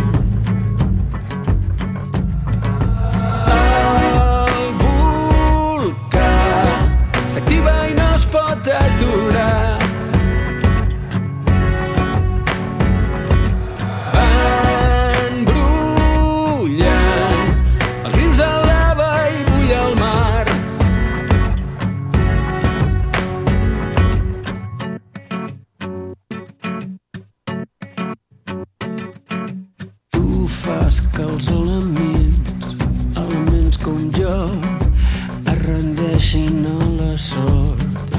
Abans d'estar convençuts. Tu fas que un descregut s'hagi doblegat al davant de fets pels quals mai s'ha interessat. Fem més àcids, fem més sals, oxidem tots els metalls, fem-ho tot i fem-ho més. Deixa't fer i em deixo fer, transformem-nos en calent, barregem-nos i ens fonem i deixem de ser aquells que ja no tornarem a ser. Alterats pel joc de l'electricitat cau el llamp i el bosc sencer torna a cremar. Companys, si us sembla, continuem amb aquesta segona entrevista que teníem dins de la, la secció Música Kilòmetre Zero. El so de l'estiu, la música de quilòmetre zero. Juanjo, tu mateix. Doncs sí, perquè després d'haver escoltat Química, tema que hem extret del seu últim àlbum Refugi, ara sí que és l'hora de donar-li la benvinguda. Benvingut al Mar i Muntanya, Marc, que és un plaer tenir-te amb nosaltres. Igualment, moltes gràcies. Doncs si us sembla bé, com hem dit abans, comencem amb les preguntes. Uh, Marc, aquesta nit, a les 7 i a les 9 de la nit, uh, realitzes l'espectacle Refugi. Uh, Explica'ns sí. en què consisteix i què simbolitza per tu. Doncs eh, consisteix en un concert eh, gens convencional perquè eh, està plantejat eh, en un espai que no ho és i, i que el que fa és d'alguna manera eh, posar-lo, posar aquestes cançons en, en un escenari diferent, no? Mm, Per què? Doncs perquè el que he anat descobrint amb els anys és que l'espai no el tenim sovint tant en compte com, com la importància que té, no? No li donem prou, prou d'importància. I és totalment diferent al mateix concert, o sigui, el mateix repertori, el posis amb un bar musical on hi hagin copes, no?, i una barra i gent xerrant, a, que el posis en un espai, en un teatre petit, no? Aleshores, eh, d'alguna manera, quan vaig descobrir aquest, aquest espai, que és una iurta que per entendre'n seria com una carpa petita, amb la gent asseguda a 360 graus al voltant, vaig pensar que, que aquell lloc era ideal perquè les cançons desenvolupessin tot el, el seu potencial, no? I, i em vaig decidir a, a crear un espectacle, un concert espectacle especialment fet per aquest, per aquest espai. Molt bé, i parlant d'això ara, quin penses que serà l'impacte que rebrà el públic? Positiu? S'ho prendran com tot com una sorpresa? Què en penses? Home, l'espectacle és bastant sorprenent perquè, eh, diguem-ne que trinxem el guió clàssic preest- preestablert de, del concert, no? En el qual doncs, ja saps que passaran una sèrie de coses no? que, que, que després, doncs, mm, entre uns artistes i altres, no, la majoria dels casos doncs, varien pel disseny de llums, o varien molt, molt poquet, no? I, i, i l'estructura és la mateixa. En el nostre cas és que no té res a veure, perquè nosaltres fem com, com si rebéssim a la gent a l'escenari. De fet, els rebem nosaltres, um, personalment els acomodem, els, els, els músics, i, i després els hi fem un passeig musical no? per, per tot un, un repertori bastant intens, perquè el, el repertori també està molt triat eh, per, per aquest espectacle i perquè, i perquè en cap moment es faci monòton i, i tot això doncs, ho amanim amb, amb detalls molt cuidats eh, a nivell escenogràfic i, i coreogràfic. També hi ha, un, hi ha a nivell de so, també està molt elaborat, ja tenim un equip a dins per al públic, hi ha un altre equip a fora per on passen coses també, no, no vull fer spoiler, però diguem-ne que la premissa és, és aquesta, la proximitat i alhora la sorpresa. Molt bé, Marc, què tal? Jo sóc en Guillem, et saludo des de Sant Joan de les Abeses, des de la veu de Sant Joan, un, un plaer saludar-te. Hola, Guillem. Uh, jo, vol, jo volia saber una mica, faràs dues actuacions, una aquest vespre i l'altra demà a l'esplai eh, de la plaça del Tercer Centenari. Sí. Els dos són espais reduïts, ara escoltàvem abans de, de parlar amb tu eh, una peça del, del teu disc, escoltàvem Química, i si, si escoltes una mica per sobre, ni que sigui els, els temes, ja t'aboquen una mica a, a un espai de, de certa tendresa, no? Eh, parles d'aquest refugi, parles que si tard o d'hora, si un dia torno, misteriosament feliç. Són a cançons i fins i tot el, el títol mateix del disc, no? refugi, aboca directament a un espai com aquest dels que parlem, no? com la carpa aquesta que ens explicaves, d'un sí. lloc on, on, on hi poden passar certes coses, no és casualitat, no, doncs, aquesta proximitat que, que busques amb el, amb el públic? Uh, penso que aquesta proximitat mm, fa que el, el públic obtingui una dimensió més que, que purament l'espectacle, no? Quan veus un artista des de tan a prop, no? veus al darrere um, el seu ofici, estàs veient el seu amor per la feina que està fent, saps? Hi ha moltes coses que, que traspassen i que fan que l'experiència sigui molt més completa. Um, en quant a la part de refugi, jo entenc també que, clar, per mi les cançons són un, un refugi, no? Quan aconsegueixo fer una bona cançó i explicar alguna cosa, um, d'alguna forma em sento alleugerit, no? Em sento... encaixo millor en el món, no? I, i aleshores, doncs, per mi també posar-les en un espai on aquestes cançons estiguin al, màxim de cuidades no? i puguin desenvolupar tot aquest potencial, doncs és, és un luxe. Vull dir que el, el refugi eh, diguem-ne que no és un refugi de la intempèrie, sinó que més és, aviat és un lloc buscat mm, a on gaudir no? i a on compartir aquesta, a, a, a, aquest gaudi que em dona a mi i els músics no? poder fer tot això. Molt bé, sí, sí, parles d'aquest refugi, cl clarament gairebé com, com una cosa eh, nova que tenia ganes de fer, no? com de refugiar-te, no? apartar-te d'altres coses, potser, altres coses no sé si que, que havies fet eh, fins ara. Refugi és el teu disc més nou i suposa, a nivell de sonoritat, és, és fàcilment reconèixer que suposa un punt d'inflexió, eh, però tota, tota inflexió, a la majoria de casos, també porten una, una evolució. No sé si en aquest cas parlem d'una evolució o una revolució total com a persona o artista o només una adaptació estètica o estilística? Um, una mica de tot. No està, no està renyit una cosa amb l'altra. Per un costat, necessitava veure'm, o sigui, ren, renovar una miqueta el, els, la base, no?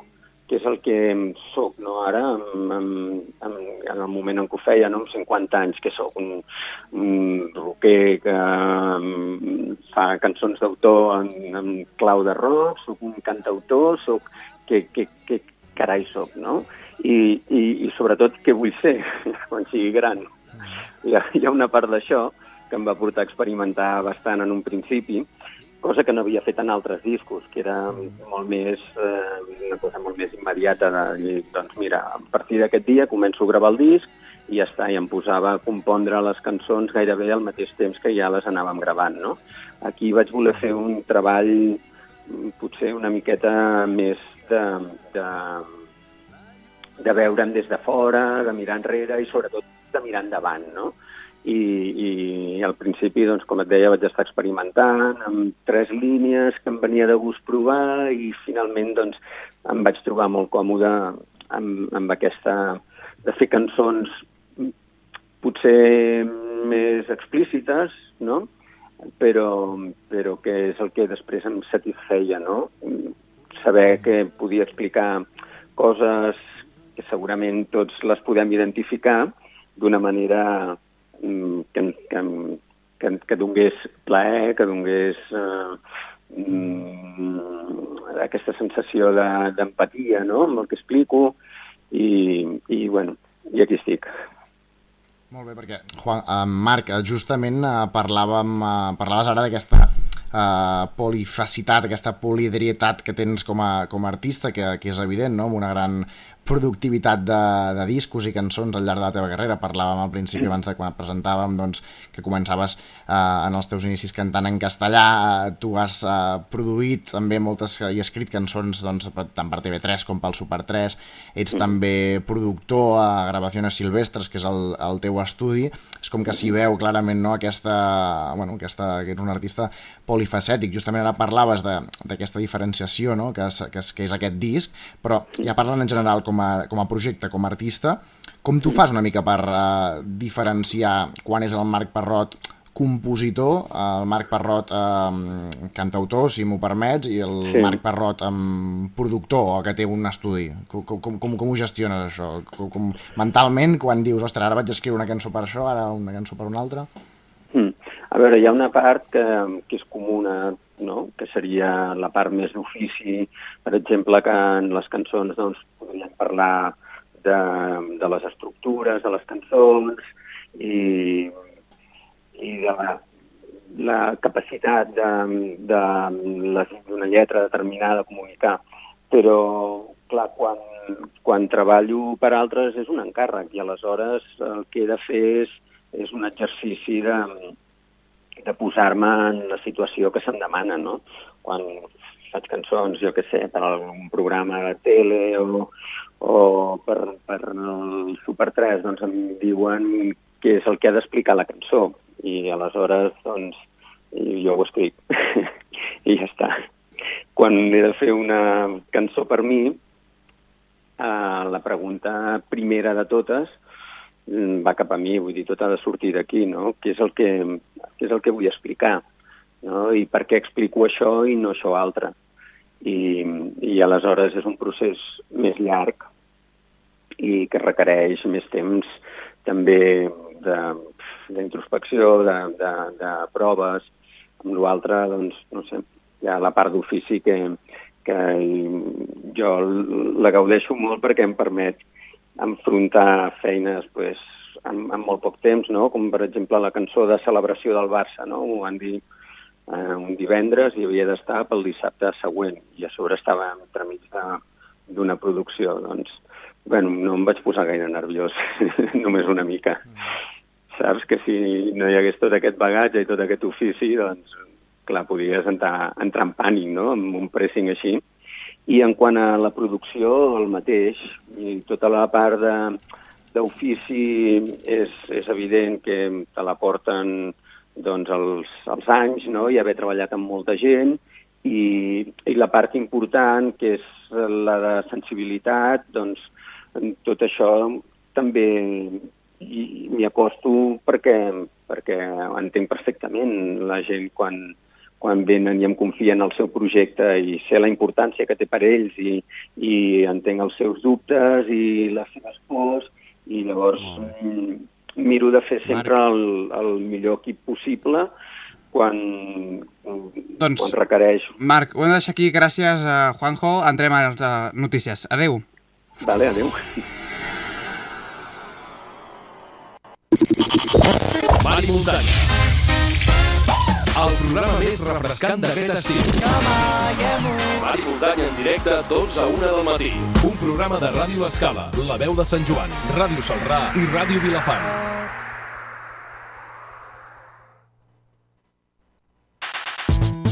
Crispetes i acció. El millor cinema i les millors sèries. Continuem en directe des del Mar i Muntanya després d'aquestes de dues últimes entrevistes que hem fet de la mà d'en Guillem i d'en Juanjo des de l'Escala i des de la veu de Sant Joan.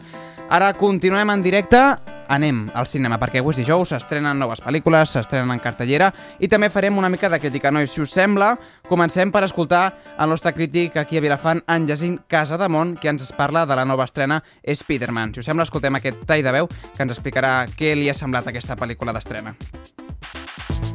Aquesta setmana passada es va estrenar Spider-Man Lejos de Casa, una continuació de Homecoming, Spider-Man Homecoming, i una mica el punt i final a la primera fase que ha creat Marvel. Després d'Endgame tenim aquest epíleg on se suposa que tanquem una mica les trames que en realitat no, també us ho dic, però bé, anem a per la pel·lícula. La pel·lícula m'ha agradat sí o no? Doncs la veritat és que una part sí i una part no. La primera part on tenim les aventures infantils, juvenils de Spider-Man amb els seus companys de classe i els professors, supervisors que van de viatge per Europa em sembla molt divertit, molt entretingut i que té certa gràcia. Però després arribem a la segona part, on la pel·lícula es converteix en una pel·lícula autènticament i purament de superherois. I allà, amics, la cosa ja comença a fer una mica aigües. Encara que visualment té coses bastant interessants, la veritat és que el personatge Misterio no m'acaba de funcionar. No tant pel treball eh, de Jake Gyllenhaal, sinó per com s'afronta des del paper el personatge. Tots els fans del superheroi sabem que en realitat Misterio amaga moltes coses i aquí sembla que ens vulguin fer la pírula quan ja ens olorem cap a on aniran els trets i la veritat és que no està gaire ben plantejat tot el gir de guió, que no s'aguanta per enlloc i totes les explicacions tecnològiques que ens donen no funcionen absolutament gens. A veure, com a divertimento, si vas a passar l'estona, no negaré que estiguin molt bé. Però clar, si vols fer un univers com, compacte, on tot estigui creuat i tot tingui certa lògica, aquí ens trobem de nou que torna a fer bastantes aigües. Destacar el repartiment, que Tom Holland ho fa fantàstic, John Favreau torna a aparèixer i ho fa realment bé, Marisa Tomei també, Jake Gyllenhaal també, sobretot els professors em van fer molt de riure, els actors companys de classe també ho fan molt bé, però en general, ja us dic, sobre part superheroi que més que res pel malvat, o sigui, Spider-Man, m'encanta aquest Spider-Man, però aquest misteri no em funciona absolutament gens, al contrari que el buitre en Homecoming, i en general que hi ha una mica la sensació d'oportunitat desaprofitada. Hi ha moltes coses que no s'acaben d'explotar i en canvi les coses que no ens interessen s'exploten fins a l'extenuació. I després no us marxeu de la pel·lícula perquè hi ha dues escenes postcrèdits que se n'ha parlat moltíssim, que obre camins interessants però que tampoc és res tan, tan, tan espectacular com jo m'esperava. Bé, eh, si voleu anar a gaudir de l'aire condicionat i passar dues hores entretinguts, aneu-hi. Si sou molt curosos i sou molt tiquismiquis, millor no hi aneu. Fins la setmana que ve. Bueno, doncs ens ha deixat així com a mitges, no, Juanjo? Que no sé si anar-hi o si no anar-hi. Tu hi aniries o què? Jo sí, jo particularment sí, però perquè sóc fan de, de la saga de Spider-Man. Encara no hi he anat, eh, tinc pendent d'anar a veure-la, però com no he tingut temps, eh, doncs m'he d'organitzar millor. No Bueno. com fer-ho. Doncs eh, si vas a veure ja ens explicaràs a veure què t'ha semblat. I si et sembla, a l'escala també parleu de cinema. Què, què ens tens preparat?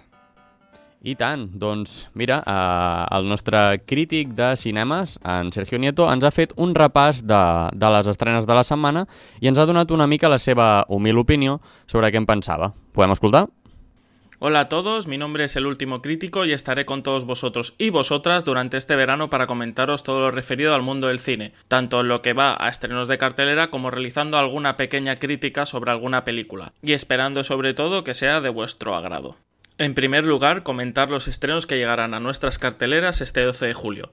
Empezamos por una película documental titulada Diego Maradona y que trata, como no, del mítico y controvertido futbolista Diego Armando Maradona. Lo interesante es que está dirigida por Asif Kapadia, que fue director de grandes y premiados documentales como fueron Senna, sobre Ayrton Senna, piloto de Fórmula 1 y Amy, sobre la cantante Amy Winehouse. Seguidamente continuamos con Serenity, película interpretada por Matthew McConaughey y Anne Hathaway, en un thriller que intenta rescatar esa moda de los 90 de thriller con contenido un poquito picante y que más de uno y a una les gustará debido a ese dúo protagonista. Y el estreno grande o más importante de la semana lo tiene Annabelle vuelve a casa, que si la semana pasada tuvimos a Spider-Man lejos de casa, pues Annabelle vuelve a la suya, para que no haya problema entre los dos. Tercera entrega de las terroríficas desventuras de la muñeca poseída, que hará sobre todo las delicias del público más joven, con la novedad de que detrás de la cámara está el guionista de la primera y la segunda Annabelle, aparte de también ser el guionista de la monja todas ellas dentro de su propio universo llamado Warrenverse, que comenzó con Expediente Warren y que ha seguido con secuelas y spin-off de sus personajes. La crítica de esta semana será sobre la película Yesterday, que se estrenó el pasado 5 de julio y que he podido ver el fin de semana pasado. Dirigida por Danny Boyle, director de famosas películas como Trainspotting o Slumdog Millionaire, y con guion de Richard Curtis, famoso por películas como Cuatro bodas y un funeral o Love Actually. Yesterday trata de una curiosa premisa que sería qué hubiera pasado si los Beatles no hubieran existido nunca, y que solamente una persona se hubiera quedado con el recuerdo de sus canciones. La película es una mezcla de comedia romántica con un toque fantástico y máquina de música donde suenan canciones de los Beatles, para que el público se acuerde que la película es un homenaje hacia ese grupo. El problema de por qué Yesterday me dejó bastante frío cuando abandoné el cine y no fue debido al aire acondicionado de tal cine, es porque el guion intenta evadirse esa premisa y presentarnos la típica comedia romántica que ya hemos visto miles y miles y miles de veces, donde chico perdedor intenta ser cantante y después de un apagón mundial descubre que los Beatles no existen y decide lucrarse con ello y su mejor amiga con la que tiene un amor no correspondido.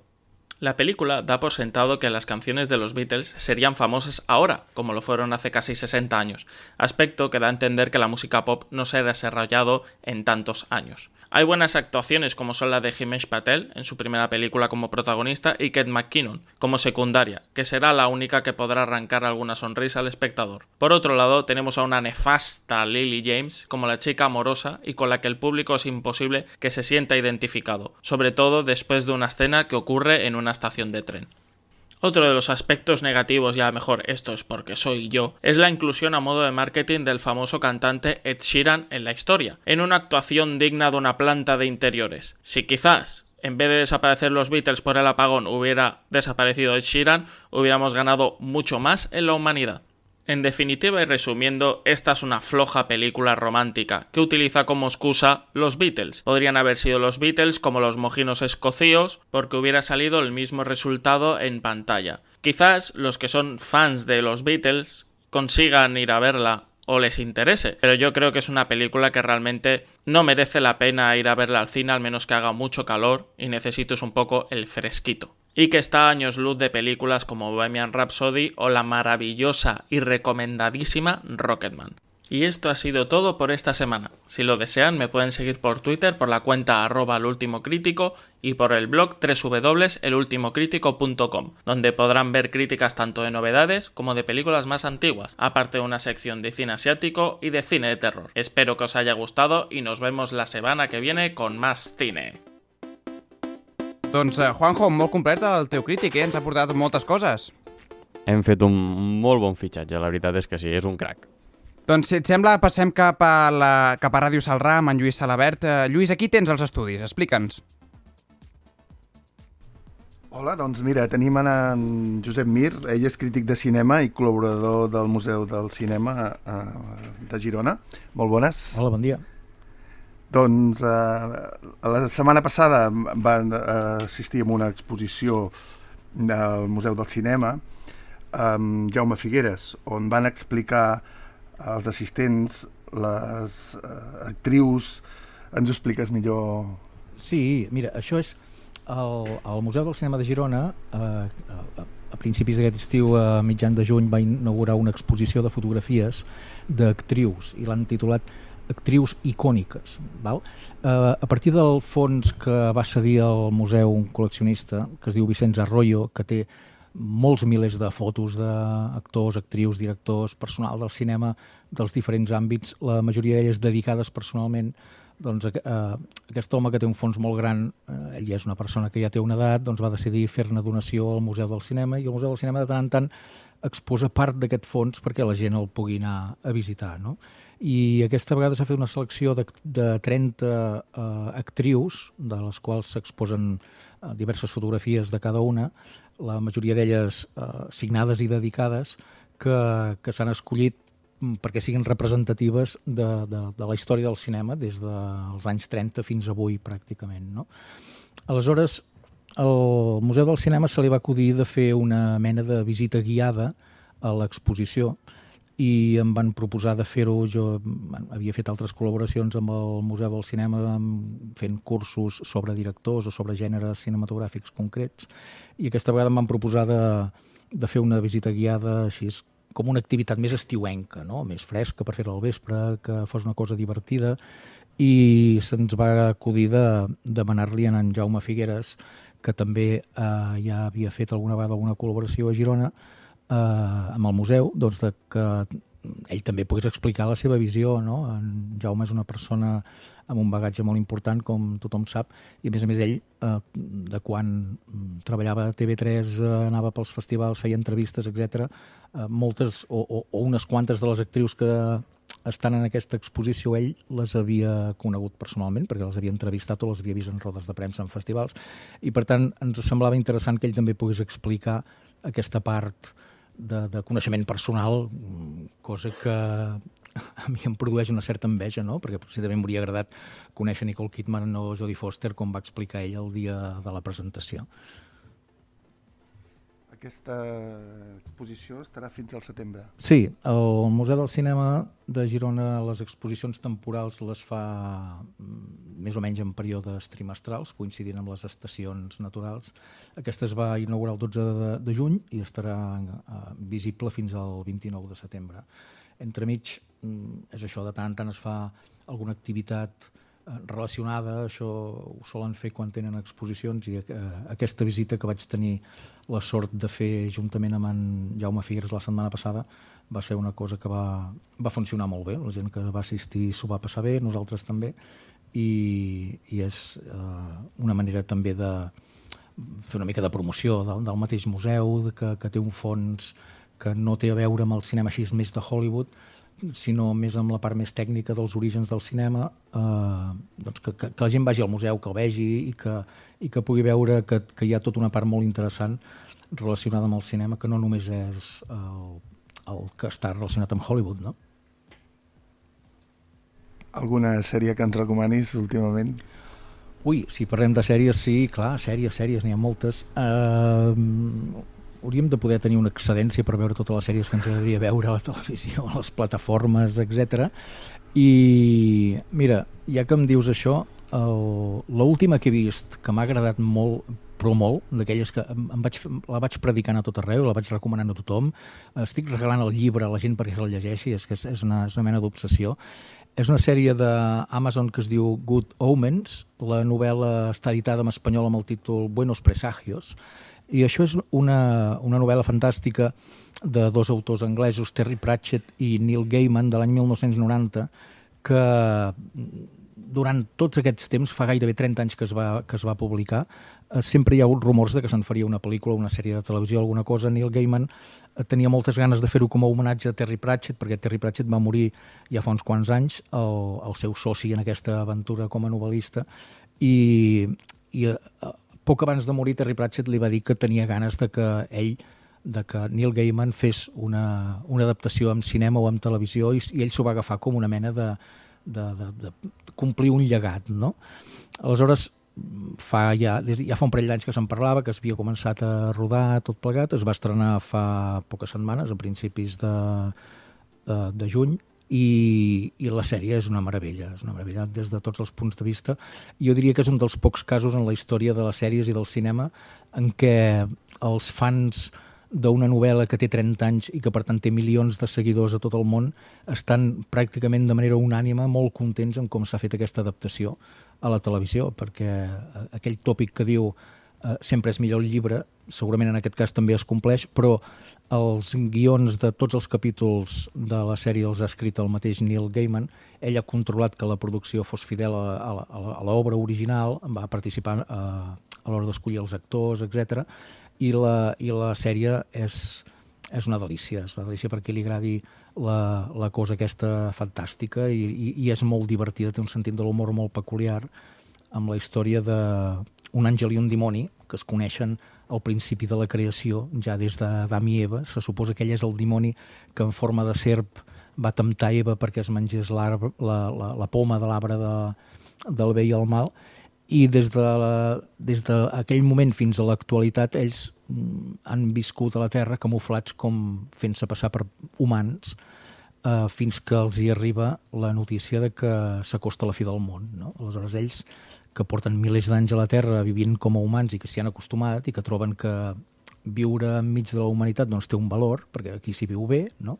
eh, hi ha bona música, hi ha bones begudes, poden beure whisky, etc doncs que si s'acaba el món això ho perdran i aleshores es posen d'acord en intentar evitar que hi hagi aquest, eh, aquesta fi del món. Així, a grans trets aquesta seria la història i entremig doncs, es permet fer bromes sobre molts fets tant històrics com bíblics, eh, des del diluvi de l'Arca de Noé fins a moments històrics concrets de guerres que han passat, etc. Sempre vist des del filtre d'aquests dos personatges, cosa que dona moltíssim joc.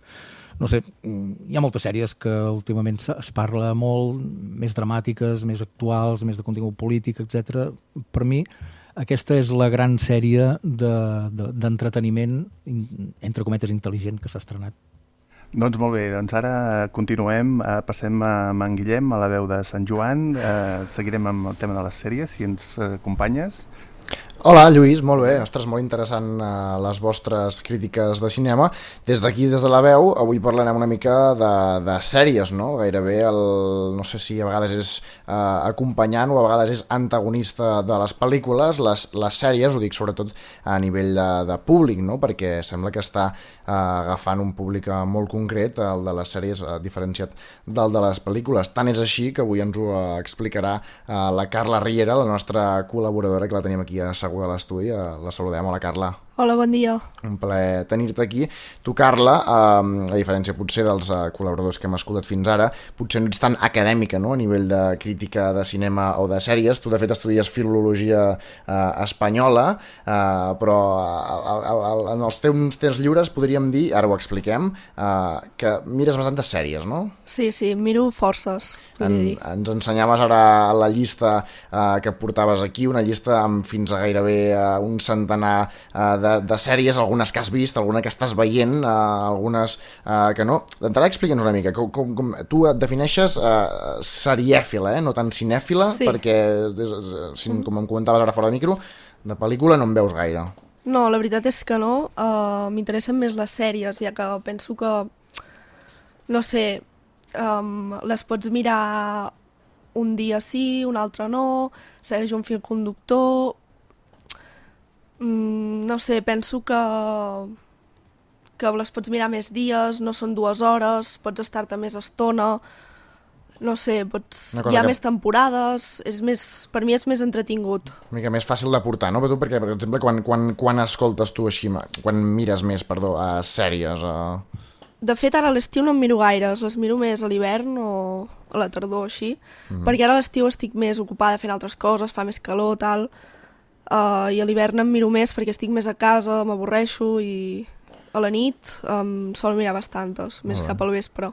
I de quin, de quin, de quin rotllo, de quin rotlle doncs, t'agraden més? Eh, Quin, quina és la teva predilecció? El Pots dir, ens pots dir alguns noms? Uh, sí, m'agraden bastant de drama, Mhm. tipus Shameless, um, Com defender a un assassino, aquestes m'agraden força. De comèdia em costen bastant, però també me'n miro alguna, com ara, per exemple, em miro Lucifer, que és bastant... és policíaca, mm, comèdia, estan força bé, però em decanto més per drama. Molt bé, molt bé.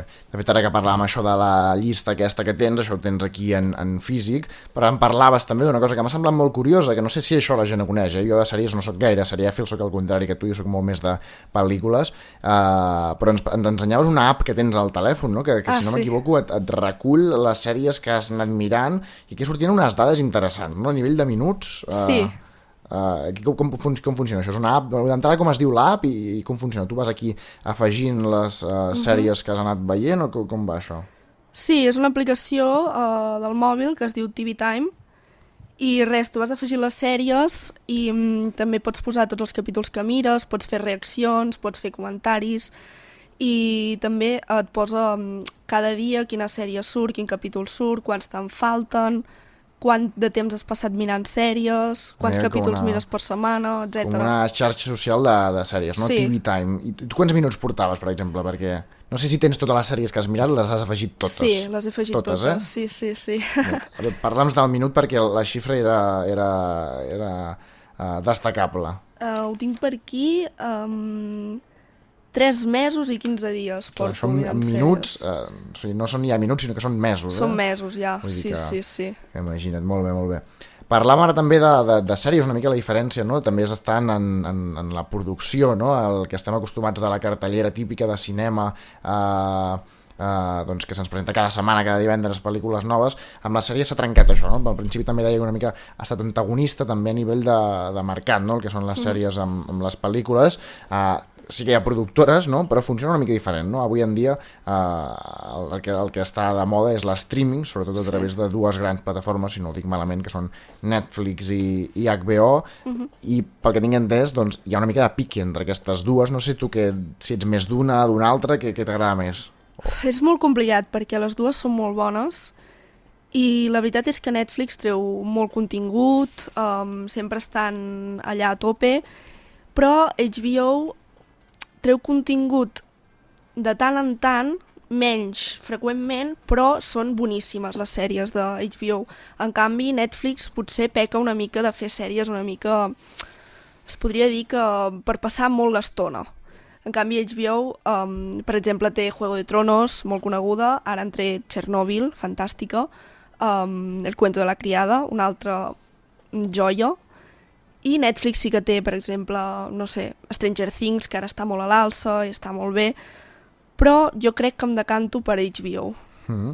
Una mica que potser fa la sensació no, que Netflix està traient uh, moltes, moltes sèries a, a mansalva gairebé que la produeix el que, el que li arriba, en canvi eh, HBO, eh, HBO com ho deies tu, Sí. uh, potser fa menys produccions però una mica més de qualitat. Ara justament que parlàvem amb el Josep Mir des de Ràdio Salrà, que ens ha, ens ha fet aquest petit apunt de sèries a, al final, no sé si tu Josep, si, si, en, si en reps d'entrada i tu què, què, ens- què, què escoltes, a què mires més? A, Què mir- a, a través de Netflix, a través de d'HBO o, o no ets de cap de les dues? No, de totes dues, i més. Uh, I si no en soc de més és perquè al final et falta, et falta el temps per poder-ne veure tantes, no? Um, jo estic abonat a Netflix, HBO i Amazon i a Mhm. totes tres plataformes trobo coses interessants per veure i depèn de l'humor que estàs un dia doncs t'agrada una cosa més profunditat o més contingut, d'altres vols veure una comèdia que dius, doncs ara me prefereixo una coseta de mitja hora o així i, i vas triant d'una banda i de l'altra. Sí que és veritat que HBO té, la, té el catàleg com molt més eh, triat, no? molt més acurat, mm -hmm. Netflix eh, a, a vegades eh, hi ha un tòpic que diu que el, a Netflix la majoria del temps el que fas és estar mirant què hi ha més que no pas mirant continguts, no? intentant saber què vols veure i després t'ha passat el temps i has de marxar i acabes sense veure res i amb Netflix passa una mica això, que és el catàleg és tan i tan en, prof, ample no? que hi ha, hi ha molta cosa de pel·lícules, sèries però també hi ha, també hi ha sèries interessants a Netflix i a, i a. Amazon Amazon s'està posant molt fort, sobretot a l'últim any amb, amb sèries de producció pròpia, continguts originals Uh -huh. I tenint en compte que mm, Amazon val 36 euros l'any, que són 3 euros al mes, és, és, és un preu que és, És imbatible, no? També. Molt bé, Josep, ara avui anem una mica justos, ens ha anat el tirant el temps a sobre. Si voleu uh, acabar breument, encara ens, queda, ens quedarà temps després per sortejar les entrades de cinema que sortejàvem avui. No sé si voleu acabar, Carla i Josep, amb, una, amb un nom. Dient-nos un nom, una recomanació d'una sèrie que estigueu mirant, que la gent ha de mirar. Tu, Josep, ja ho has dit, però si em vols dir una altra... Uh, Carla, Clar, si vols no, començar dic- tu. Digues, Josep. almenys per, perquè me feia gràcia parlar d'aquesta, que és com a, ara, ara mateix és la meva obsessió personal, no? Però eh, a HBO també hi ha, hi ha sèries que estan molt bé. El, el conte de la criada ha entrat a la seva tercera temporada i, i, i és, eh, és interessant com han agafat una novel·la que s'acabava de fet amb la primera temporada i l'han allargat intentant saber què faria l'autora eh, continuant no? aquesta, aquesta sèrie i, Molt bé. i ho trobo que Carla, tu, tu. Tu un nom breument, abans d'acomiadar-nos, uh, que estiguis mirant alguna sèrie que vull recomanar. Sí, dos noms. Uh, The OA, Uh -huh. que és boníssima, la podeu trobar a Netflix, i Big Little Lies, Mhm. que ha sortit ara la segona temporada i la podeu trobar a HBO. Molt rebé, doncs Josep, uh, Carla, moltes gràcies per tenir-nos avui, Car Carla, gràcies per estar aquí a la veu de Sant Joan i Josep, gràcies per estar a Salrà. Tornem la connexió a Vilafant amb el Víctor. Hola, nois, gràcies per aquestes, uh, aquestes recomanacions. Ara, molt ràpidament, farem aquest sorteig. Ja sabeu, eh, que cada setmana sortegem dues entrades de cinema, així que ja podreu trucar ara mateix al nostre número telefònic. Truqueu ara mateix al 972 54 63 02. 972 54 63 02. 972 54 63 02. Doncs ja entren aquestes trucades, així que molt atents perquè en res donem aquestes dues entrades.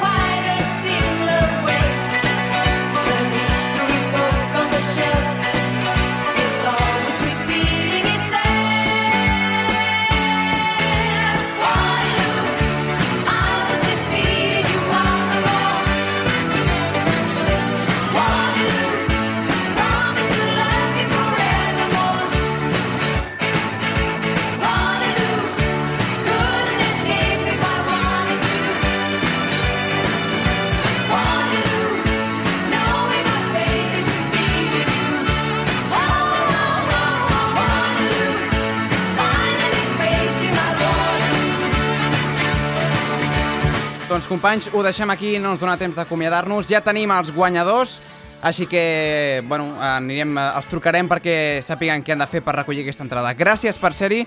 Ens veiem demà en directe des del Castell de Paralada en aquest marc del Festival de Música. Uh, demà a les 11 en directe ens retrobem aquí amb la nostra companya Mercè Maini. Gràcies a tots i a totes. Ens veiem demà.